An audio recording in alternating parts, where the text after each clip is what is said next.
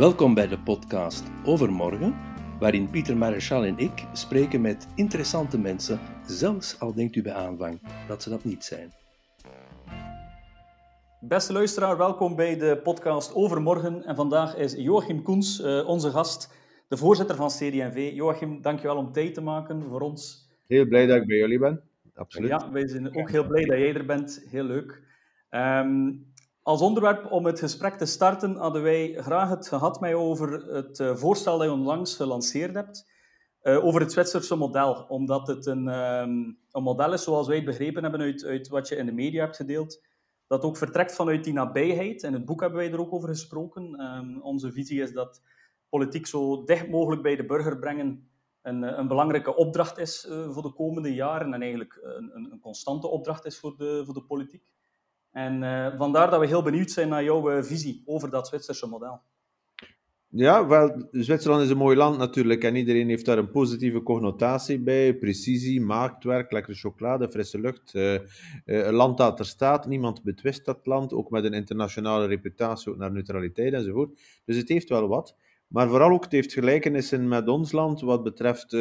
ja, het is niet eenduidig eentalig. Het is in taalgemeenschappen, cultuurgemeenschappen, Duitse taalgemeenschap, de Franse, de Italiaanse, de Retro-Romaanse. Uh, en die op een of andere manier toch een samenspel hebben, zodanig dat, uh, dat niemand dat land betwist, maar die toch op verschillende echelons en niveaus werken. En ik vroeg me af waarom dat, dat daar was en waarom dat bij ons in België.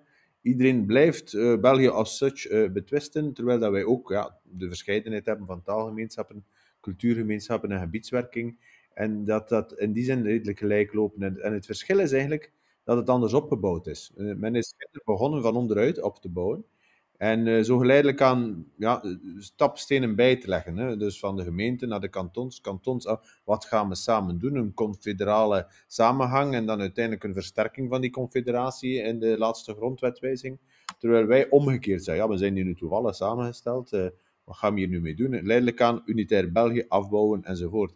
En door die voortdurende denkproces van afbouw is er ook geen gevoel meer van het is misschien toch ook nuttig dat we definiëren wat we samen doen. Dat is een heel andere mentaliteit. Maar ook, en zeker wat ons betreft, wij zijn een partij van de eerste lijnsdemocratie, van de lokale eh, gemeenschappen, gemeenten enzovoort. En heel die staatshervorming komt daar bijna nooit in beeld. Terwijl dat, dat nu ook in die gezondheidszorg uh, gebleken is dat, dat, dat, dat ja, uw eerste lijnszone, uh, dat is belangrijk. Het, het, maakt niet uit, en dat kan heel verschillend zijn, ook hoe de situatie is in het zuiden, maar ook in het oosten en het westen. Dus we moeten eigenlijk opnieuw van onderuit opbouwen. Wat, wat, we kunnen doen lokaal, moeten we daar doen. Als het ons overstijgt, moeten zij kijken, goed, wat doen we in onze gemeenschap? Zijn er de taal- en cultuurgemeenschappen die we hebben? En we hebben een paar taal- en cultuurgemeenschappen, wat doen we daarmee samen? En dan komen we tot een positief uh, verhaal, lijkt mij, een zinnige benadering om het eens uh, om te draaien. En het is vooral gelanceerd nu als, als insteek in het, in het dialoogdebat, die ook... Uh, de federale overheid uh, met Annelies Verlinde zal opzetten naar de bevolking toe, om te landen na 2024 ja, met een gedragen model voor ons land. -hmm. uh, nu, opvallend in Zwitserland is ook dat daar uh, heel veel kantons zijn, maar ook gek genoeg dan toch nog tweetalige kantons ook. Um, een heel uiteenlopende grootte ook. Um, zou je zo ver willen gaan dat je echt tot heel kleine entiteiten zou komen waaruit ehm, waaruit eigenlijk heel veel politieke macht voortvloeit. Ik kan me bijvoorbeeld moeilijk inbeelden dat uh, ja, in een gemeente van 5000 inwoners de topideeën ontstaan voor, ik zeg maar wat, het in stand houden van het Rijnlandmodel of zo. Ja, het zal niet op lokaal, gemeentelijk vlak zijn, uh, maar het, is, uh, de kantonaal zit boven de gemeenten. Uh, bij ons zijn er ook verscheidenheid van grote en kleine taalgroepen. Als je dan de mhm. Duitsstalige neemt, en heb je ook de tweetaligheid in sommige gebieden, met name het Brussels hoofdstedelijk gebied of gewest. Dus er zit daar uh, ook, ook die, uh, die verscheidenheid in, zoals bij Gen. ik denk wel dat we moeten kijken waar zij in elk van die echelons ook altijd meer aandacht aan steden, is, is aan de burgerparticipatie en, en de, de democratie die daar te maken heeft. En bijvoorbeeld zelfs de nationaliteitsvraag is een lokale vraag. Bij ons is dat een nationale vraag. En daar moet je eerst aanvaard zijn door een lokale gemeenschap, eer dat je mogelijk de Zwitserse gemeenschap kunt hebben. De, in die zin denk ik dat, dat de lokale nog sterker kan een rol spelen. Maar je hebt uh, gelijk dat het niks, geen enkele vergelijking is 100% hetzelfde. Dus wij zitten met, met uh, andere entiteiten. Maar als je over de grote schaal betekent van, van de representatie, van democratie, dan vind ik wel dat we, dat we zouden moeten gaan naar uh, kieskringen uh, die, uh, die kleiner zijn dan de provinciale die er zijn vandaag. omdat je dan ook meer je directe band hebt tussen je verkozenen en je gebied. En voor wat mij betreft kun je daar zelfs de winner takes it all principe nemen. dan heb je, voilà, dat is de vertegenwoordiger van Brugge, dat is een van Kortrijk, dat is een van Leuven. En ja, dat, dat lijkt mij toch een, een, te overwegen model. Kleinere mhm. kieskringen. Met een meerderheidsidee. Ik weet dat dat misschien niet interessant is voor deze of gene partij, mm -hmm. uh, maar dat vind ik dat we daar abstractie van moeten maken in eerste orde. Ja, wij zijn het er eigenlijk helemaal mee eens. In het boek hebben we daar ook een, een stukje aan gewijd. En ik denk dat er heel veel voordelen zijn, omdat je inderdaad, je hebt de duidelijkheid voor de burger, je hebt de duidelijkheid voor de burger ook waar je terecht kan, bij wie je een aanspreekpunt vindt. Het is ook een mogelijkheid voor de, voor de politicus of politica zelf om veel dichter bij de, uh, bij de mensen die ze vertegenwoordigen te staan. Maar is daar gedragenheid voor? En dat is inderdaad iets wat ik dan vrees als ik zie. Denk ik dat wij de enige, met CD&V de enige partij zijn die op die manier denken. En dat de anderen eerder in, het andere, uh, in de andere richting aan het evolueren zijn. Laat ons zoveel mogelijk op social media uh, figuren uh, promoten, posten uh, op een manier zodat de bevolking het allemaal likejes geeft. En dan zo een, een, aantal kopstokken proberen uitspelen. Zijn wij de laatste partij die het echt nog van onderuit ziet?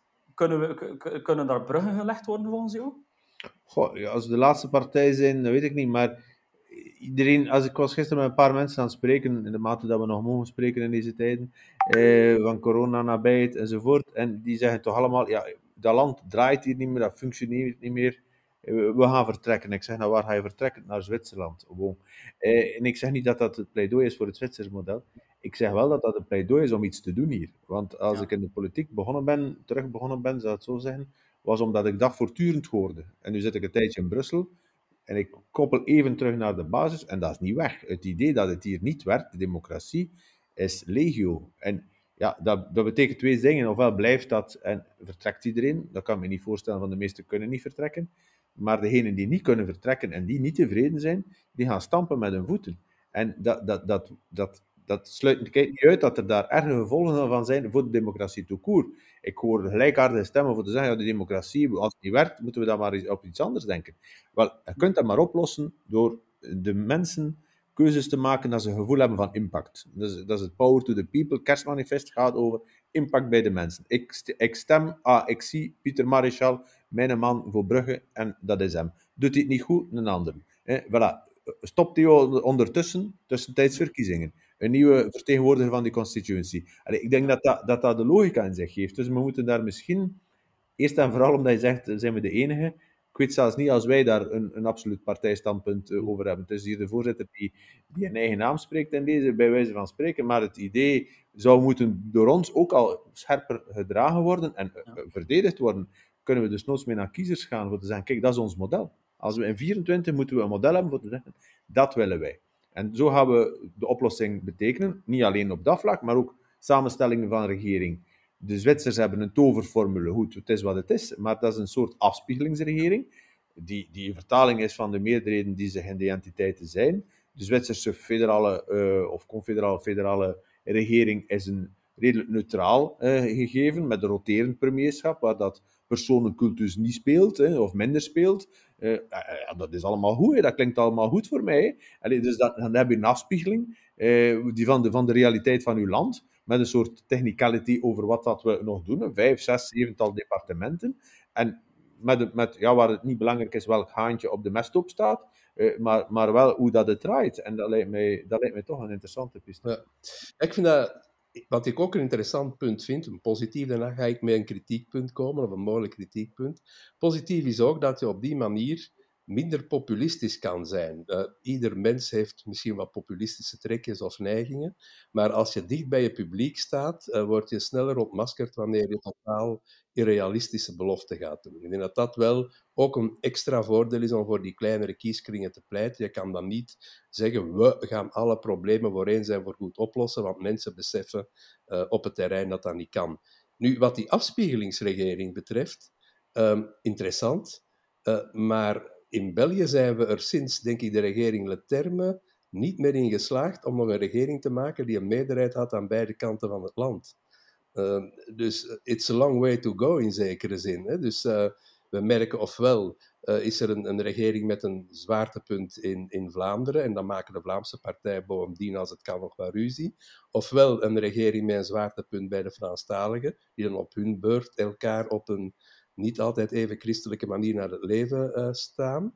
Hoe, hoe kun je dat dan komen tot een, een, een vorm van afspiegeling, uh, waarbij mensen misschien gaan zeggen, ja, maar zo gaat je alles weer afzwakken en sommigen kunnen dan toch zeker niet meedoen en zo verder.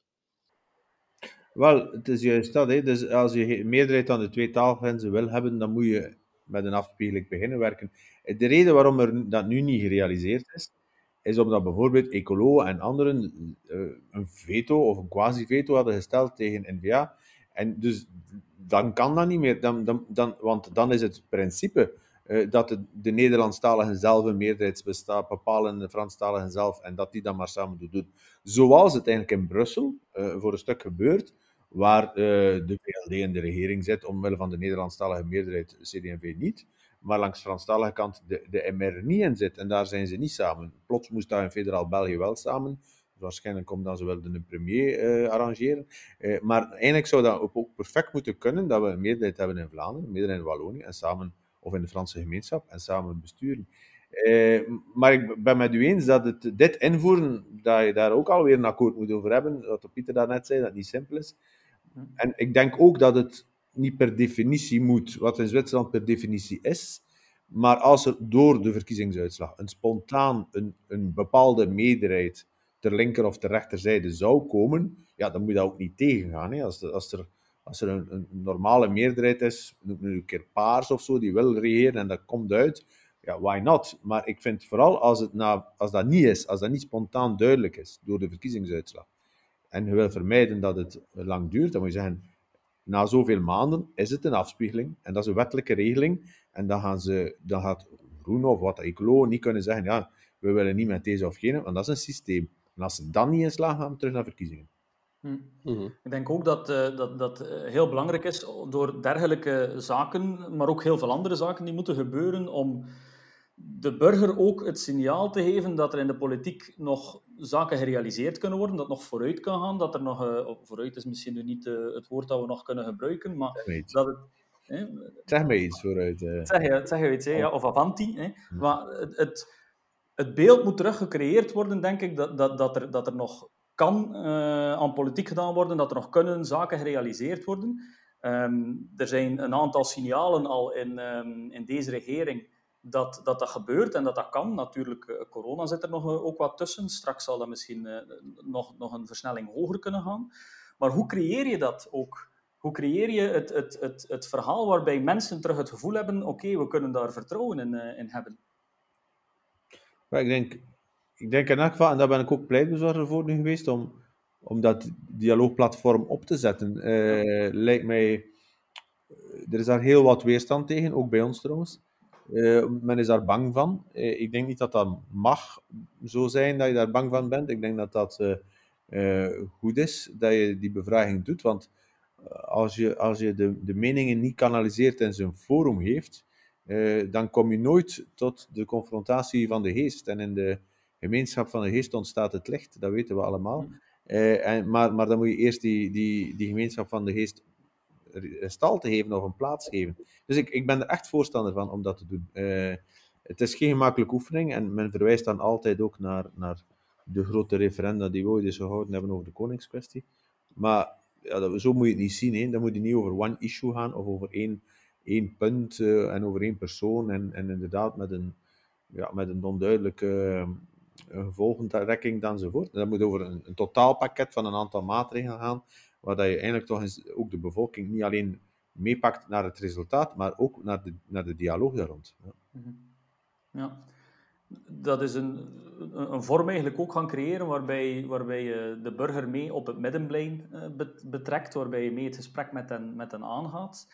Uh, maar we zitten wel met een zeer uh, gepolariseerd debat, waarbij heel veel extremen ook op harde manieren hun meningen uiten. Hebben zij ook een plaats op het middenplein? Of zie jij, zie jij een bepaalde grens die je moet stellen daar? iedereen moet op het middenplein komen, maar je hebt gelijk dat de, de, de ranzigheid van de samenleving groot is.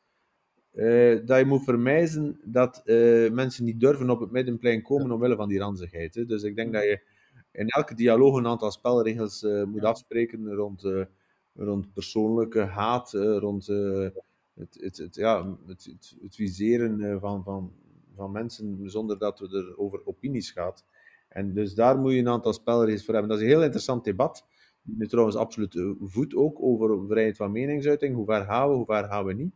Uh, maar als ik zelf al bij mezelf vaststel dat ik uh, mij weerhoud om sommige opinies te formuleren op Twitter, omwille van de, de ranzige reacties, dan denk ik eigenlijk is dat niet goed. Eigenlijk zijn we niet goed bezig dan.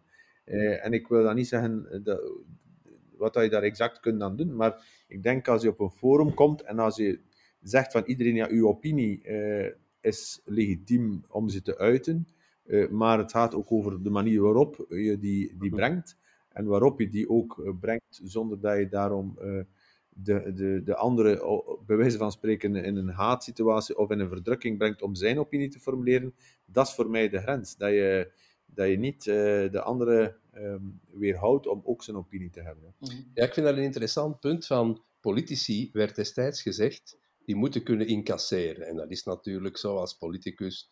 Moet je er tegen kunnen dat je plotseling als onnozelaar wordt aangesproken op een straathoek. En ja, als je daar dan uh, twee weken arbeidsongeschikt van bent, dat gaat niet. Hè? Dus in feite moet je toch tegen een stoot kunnen, bij manier van spreken.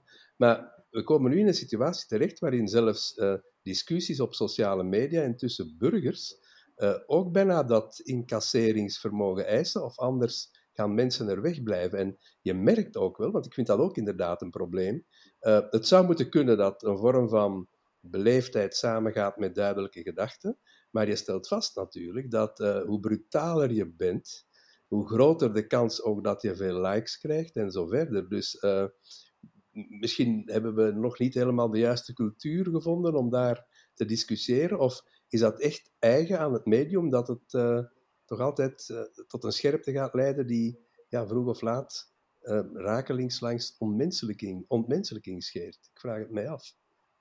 Maar als je, als je ik had laatst Injas de, de vis die in de media was de afspraak en die ook gezegd heeft wat voor haat Twitter dat hij heeft, terwijl dat hij een redelijk nuanceerd standpunt had gebracht. als dat hem belemmert om nog opinies te zetten, zijn we natuurlijk ver van huis. Ik mhm. denk dat het effectief wel te maken heeft met het medium. Uh, mijn ervaring is dat, uh, en misschien is dat eigen aan, misschien is dat ook Levina zijn dachten, het gelaat van de ander die je niet ziet op die media. Hè. Dus ik, ik, ik, heb daar heel veel ervaring nu ook in het lokale. Als ik met mensen en ik zet er iets op over een baan of weet ik veel wat, die her, dan, dan krijg je daar van alles op. zie je die mensen, dan is dat alsof ze dat nooit op die, die dingen gezet hebben. Hè. Ze gaan daar wel een keer ontvloers gelijkaardige dingen zeggen, wat, wat kan en wat ook moet. Uh, maar, maar dat zal totaal anders zijn, uh, voorlopig althans nog. Uh, en ik denk dat dat te maken heeft met, ja, de, de, de, de zeker ook in coronatijd, denk ik dat het ook verscherpt is van, van het directe mm tussen pot en pint, zeg men dan, of op café. Dat moet niet meer te veel te pinten zijn, want dan wordt het ook wat soep. Mhm. maar maar het, het, het, de dialoog van mens tot mens, of van groepen mensen onder elkaar, dat, is wel, dat is echt wel eh, belangrijk, denk ik. En daar moeten we naartoe. Dus we moeten zeker het digitale uh, niet, niet miskennen, maar toch gebruiken om, om het ook de, de fysieke pleinfunctie, de ontmoeting, uh, daar centraal te zijn. Ik denk dat dat dan normaal beter is. Het zou mij verrassen dat dat dan ook een Zo'n mhm. plein, zoals jullie dat definiëren, dan zo'n catch-22 uh, vechts. Uh, Wat me daar ook enorm wordt, denk ik. Hè? Dus aan de ene kant heb je die heel uh, ruwe taal die vaak wordt gehanteerd, de polarisatie die zeker in, in, in discussie bestaat, zeker ook de laatste tijd, over allerlei onderwerpen gaande van corona to, tot extreem rechts en zo verder. Dus je hebt heel hevige discussies. Aan de andere kant, als je iets dieper graaft, zie je toch nog een verrassende consensus. Dus we hebben al met heel wat mensen gepraat in deze reeks, maar bijvoorbeeld van Jean-Marie de Dekker tot Petra de Zutter of wie, dan ook, hè, kom je telkens tot een, een, een soort uh, Ginny Bales en zo verder. Dat zijn eigenlijk allemaal mensen die in feite achter het Rijnlandmodel of een Rijnlandmodel nieuwe stijl staan. Dus eigenlijk sociaal-economisch zijn die geen van allen radicaal, terwijl voor de rest er een, een, indruk bestaat dat ehm, bij vele mensen dat alles op ontploffen staat. En dat is natuurlijk ook niet zo goed voor CD&V. Ik bedoel, de inhoud wordt misschien door velen gedeeld, uh, maar tegelijk uh, gaan mensen naar meer extreme partijen, omdat ja, dat discours en het taalgebruik op dit moment beter ligt. dat is ook gebleken uit de resultaten van een aantal opinieonderzoeken of stemming. Die zeggen ja, de, de mainstream Vlaming is, denkt wel ergens in een, in een soort middenstroom, uh, maar stemt uh, er, er niet onmiddellijk voor. Ja, dat, is, uh, dat is zeker een, een zorg ook voor ons. Ik denk dat het ook te maken heeft met, met de verkokering van ideeën. Hè. Dus alles wordt ook in een zekere vorm van particratie en opdeling in instellingen verscherpt. Ik, ik, ik, noem het ook het communautaire debat. Ik, ik, de, de functie creëert de opinie soms. Uh, en, en een fractie in Vlaanderen en een fractie in de federale kamer groeit zo spontaan uiteen, terwijl als je ze twee, drie keer zou samenzetten, dat, ze, dat ze misschien wel weer zeggen, tja, we zijn eigenlijk niet zo verschillend op socio-economisch vlak. Maar je zit in een context, je zit in een karkaan, je zit in een bepaalde constellatie, je, moet je scherp stellen op, op, op, eh, op uw groep. En dus dat, is, dat, is, dat verscherpt allemaal. Dus ik denk, dus in die zin ook teruggaan naar de authentieke parlementaire democratie, waar, waar zoals we daarnet zeiden, een parlementair ook, ook een, een zekere graad van autonoom denken kan ontwikkelen. En opinievormen lijkt mij toch ook in deze een, een belangrijk punt. En het is een partijvoorzitter die het zegt. Ja. ja. Mm. Maar ik denk ook, uh, je verwijst zelf naar, uh, naar studies, slash peilingen misschien ook. Uh, als, je, als je dan kijkt, de, de Vlaming die, die, die is eigenlijk centrum. Gaat nu mee met, met, met, met een aantal extreme stemmen, om welke reden dan ook. Maar ze is eigenlijk centrum. En als we kunnen erin slagen om meer mensen terug dichterbij te brengen bij andere mensen om in gesprek te gaan, misschien ook met onze loka vele sterke lokale mandatarissen die er zijn, ligt daar de, de, de toekomst voor, uh, voor, uh, voor een, middenpartij en dan heel concreet de partij waar ik lid van mag zijn en waar jij voorzitter van bent, ligt daar de toekomst voor die partij? Om de dialoog op te zetten. Uh... Om de dialoog op te zetten, echt ook vanuit die lokale basis die we hebben. Omdat je zegt zelf, als ik, als ik op Facebook commentaar krijg, is het zeer negatief, maar zie je die mensen real life, hè, dan, dan is dat al een heel ander gesprek. Moeten we nog meer die, die, die basis gaan gebruiken om... Uh, om maar dat is absoluut... En ik, ik zal het koppelen aan iets. Dus het is zeker zo dat we beter scoren lokaal, omdat we in directe dialoog de mensen kunnen brengen met onze, met onze politici en onze, onze burgemeester of schieper enzovoort. Mm -hmm. Dat is waar. Ook, ook, dat moeten we ook eerlijk zijn, omdat dat niet zo ideologisch gespeeld wordt op, op dat lokaal niveau. Als je nu straat 6 of zo aanlegt, bon, dat, is, dat is niet blauw, oranje of groen of rood. Hè. Dus daar, mm -hmm. dat, dat is ook zo. En misschien misschien zien we soms ook de nationale politiek ideologischer dan die is. Uh, dat is misschien ook een vraagteken dat we moeten stellen. Uh, maar uh, ten gronde denk ik dat, we, dat er ook een, een, verhaal zit in waarom stemmen de mensen linkser of rechtser of extremer, is dat omdat ze het verschil willen maken. En ze willen dat hun stem impact heeft. En dat hebben ze niet altijd meer. Eh, en soms is dat een keer links, soms zal dat een keer rechts zijn, soms is dat meer extreem rechts zelfs. En ik, ik, heb zo het gevoel dat we, dat we terug, en dat is de basis van dat kerstmanifest, die, de impact van mensen moeten vergroten in hun leven, in hun samenleving, in hun omgeving. En we hebben, we hebben heel wat weggenomen van mensen om het te institutionaliseren. En, uh, ja, en, dus, en, en dus dat is ook in een directe relatie met anderen ik moet voor niks of niemand meer zorgen. De overheid moet het maar doen, want ik betaal meer dan 50% belasting. En dus, ja, dus dan moet ik alleen maar kritiek geven. En ik heb er ook geen impact meer op wat er mee gebeurt. En die directe impact van mensen, daar, daar moeten we terug naartoe. En dat vind ik, ja. dat, ik vind dat daar niemand mee bezig is. Ik vind dat er, iedereen vindt het evident dat het overheidsbeslag, en ik heb het niet over middelen, allee, mm dat, vertaalt zich ook in geld, hè, maar, maar dat dat zo groot is, ik bedoel dan eerder in, in impact. Dat, dat, en dat zie je ook op verschillende vlakken. En de, de, als we vroeger in het culturele leven stonden, ja, dat waren verenigingen en individuen die dragers waren van. Nu zijn dat steden en gemeenten, dus het zit ook op lokaal vlak. We pakken het allemaal over. En, en, en, en dus we, we nemen het weg van van, van, van de mensen. Een onderwijs van hetzelfde. Als we nu doordoen, gaan we een staatsonderwijs krijgen, waar dat de parlementsleden gaan beslissen wat dat er gebeurt in die school. Daarom, waarom dat we dan nog pedagogische diploma's opleggen aan, aan directies en aan leerkrachten, weet ik ook niet. Dus daar moet je toch ook een zekere vrijheidsgraad raden. Dus eigenlijk, ik vraag me soms af, als we nog geloven in, in vrij initiatief en in mensen en eigen creativiteit, ook in de zorgsector, ook in het zorgen voor elkaar. Wij zijn niet meer verantwoordelijk voor onze ouders, allemaal zelfs niet meer voor onze kinderen.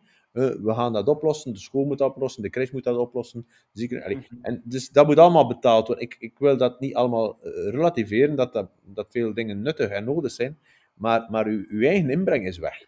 En ik denk dat daar, dat, dat, dat vertaalt zich in een gevoel van, als, wat ik ook doe, ik heb geen impact meer.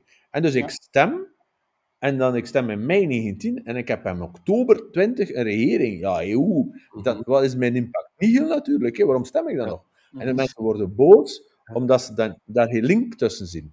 Omdat ze er geen link tussen zien tussen mhm. wat ze stemmen en wat er gebeurt. Ja. En dus zeggen ze, ja, die dan nooit mogen meedoen, daar gaan we nu een keer voor stemmen, ze, want ze moeten nu maar weten. En dus ik mhm. zeg het u, dat gaat nog vermeerderen, als we niet opletten.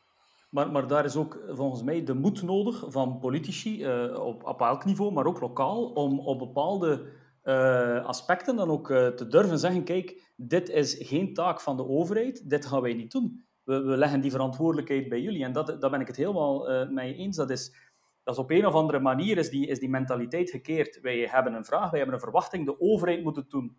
En dan de volgende stap. De overheid kan dat nooit perfect doen, want niets kan perfect hm. gemaakt worden. Maar het is niet perfect, dus we hebben de verantwoordelijkheid aan jullie gegeven. Je hebt ons gezegd, politici, dat je het ging regenen voor ons, en je kan het niet. En dat is een, een, een, ehm, ja, eh, dat is een heel gevaarlijke slippery slope waar dat we op mhm. zitten, die inderdaad volgens mij, zoals je terecht zegt, nog erger zal worden. Tenzij dat we er op een bepaald moment ook zelf de verantwoordelijkheid durven nemen en zeggen, dit, kunnen wij niet, dit kunnen wij niet regelen, de perfecte wereld wordt We kunnen en willen. Het gaat niet alleen over kunnen, maar ook willen. Ik, ik, denk dat we er ook naar ons eigen moeten kijken, naar CD&V en ook naar lokale. We hebben laatst een voorstel, en het gaat over heel kleine dingen. Mensen willen een bloem bakken in hun dorp. Ja, oké. En dus we, we, hebben een groendienst en die gaat de bloem bakken en water geven. Ik zei, nee, nee zeg, zet boombakken en de buurt, de buurman, moet dat hier maar oplossen. Hij heeft gevraagd, hij kan ze water geven. Mhm. En als ze, uh, als ze er niet meer zijn binnen een half jaar, geen bloemen meer. Allee, ik bedoel, is responsabilisering. Allee, we hebben een bibliotheekdecreet, ik heb dat ooit als voorbeeld aangegeven, dat is waanzin, hè, waar dat er staat hoe ver dat de rekken van elkaar moeten staan. Zoveel, mhm. hè, Dat is trouwens nu ook heel die pandemiebestrijding. Hè. Ze gaan bijna zeggen waar dat in dat wc mag niet. Hè. Allee, ik bedoel, dat is, dat is geen enkele verantwoordelijkheid meer geven aan de mensen. Dat je moet zeggen, moet opletten, dat je elkaar niet besmet. En dat zijn dus spelregels. Handen wassen, uh, zeep, afstand houden enzovoort. Maar we zijn zover gekomen, en dat kon nu niet anders. Hè. Er is geen verwijt naar, naar, naar wie dan ook.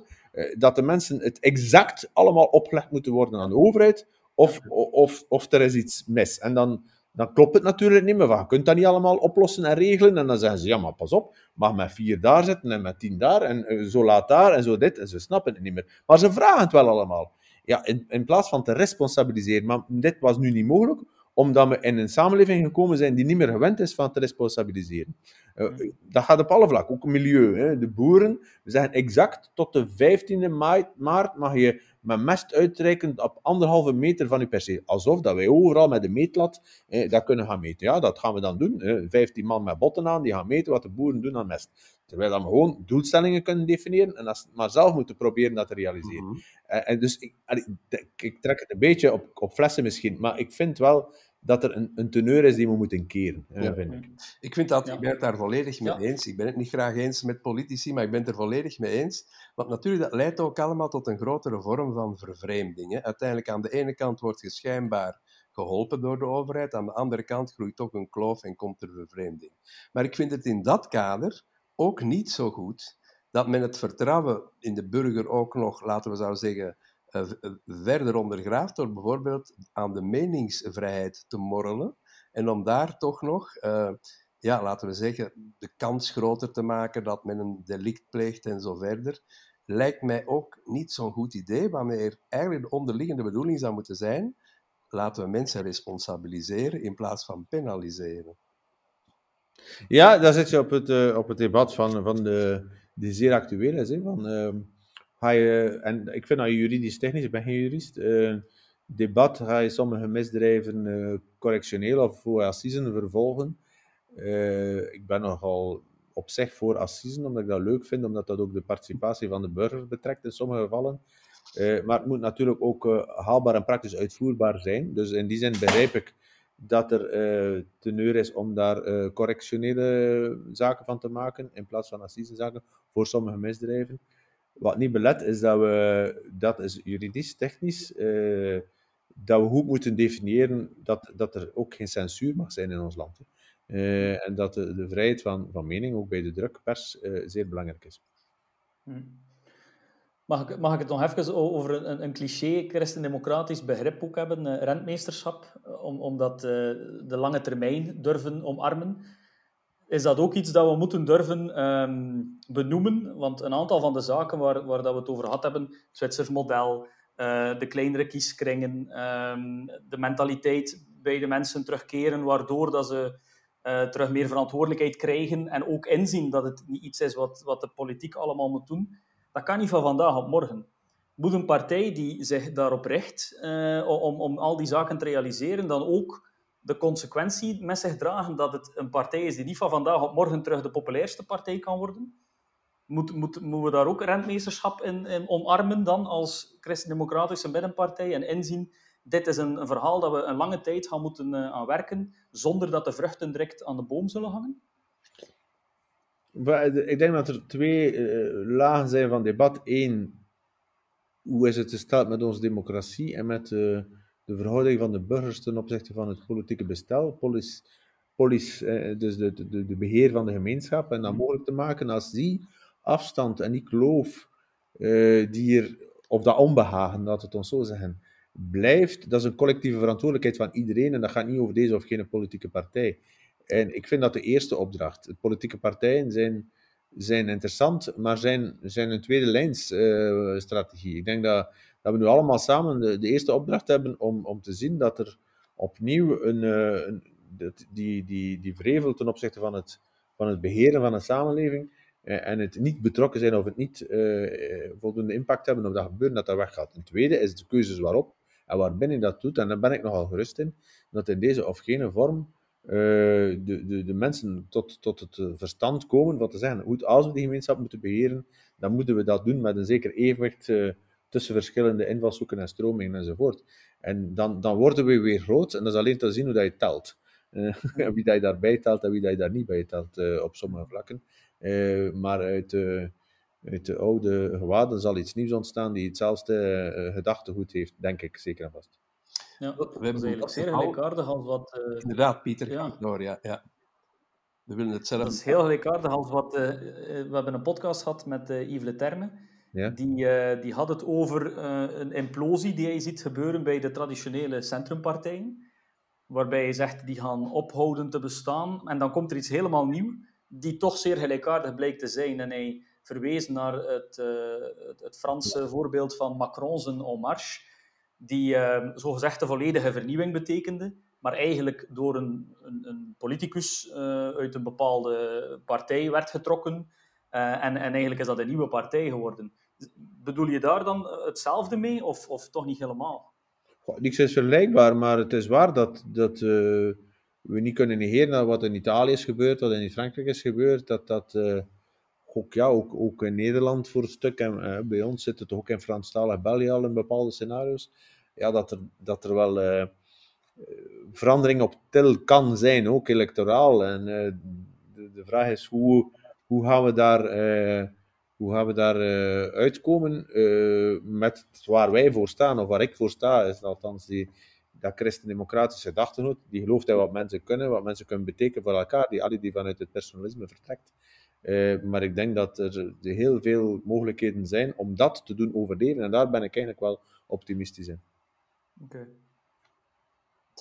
Ja, wat Yves Leterme eigenlijk ook wel zei, is dat als er nieuwe structuren komen, dat dan toch zal blijken dat de problemen dezelfde zijn. En voor een stuk ook um, niet 100% op te lossen. Dus in feite Mensen blijven nog altijd hopen dat, wanneer er een alternatief bewind zou komen, bijvoorbeeld met compleet andere mensen, dan plotseling problemen die jarenlang bestaan, gaande van migratie over klimaat tot budgettaire gezondheid en zo verder, dat die dan meteen gaan opgelost worden. Is het ook niet de taak van politici om te zeggen, kijk, uh, wij kunnen wel voor een leefbare wereld zorgen, maar niet voor een volmaakte wereld. Dus dat is uitgesloten, wie er ook aan de macht komt. Is dat ook geen middel tegen populisme, om dat ja. te zeggen? Ja, en dat heeft ook te maken met het verwachtingspatroon dat je creëert. Hè. Dus als je natuurlijk in een, in een, systeem zit, en dat was een beetje mijn invalshoek daarnet, die uh, alles naar de overheid of naar, dus naar de politiek brengt, uh, dan ligt ook die volledige verantwoordelijkheid daar.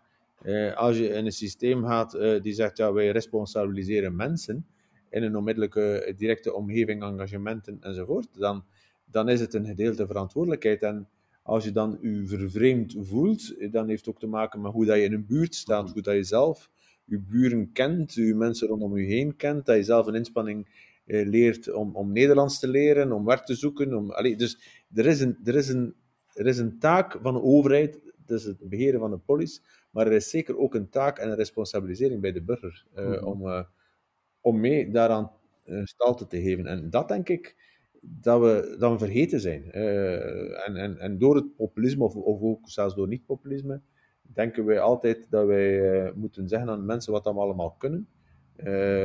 Terwijl dat ze het ja, eigenlijk hm. ook, ook zelf in handen hebben voor een groot stuk. Hè. Ik ben daarnet, uh, was er iemand bij mij voor een, voor een burenruzie. ja, dat gaat dan over, over, over niks. Allee, over een boom en, dit. En ja, praat niet met de buren en je moet naar derde en tussen komen. Ja, oké, ja. Allee, ik zou zeggen, los het op. Um, denk ik dan. Ja. ja.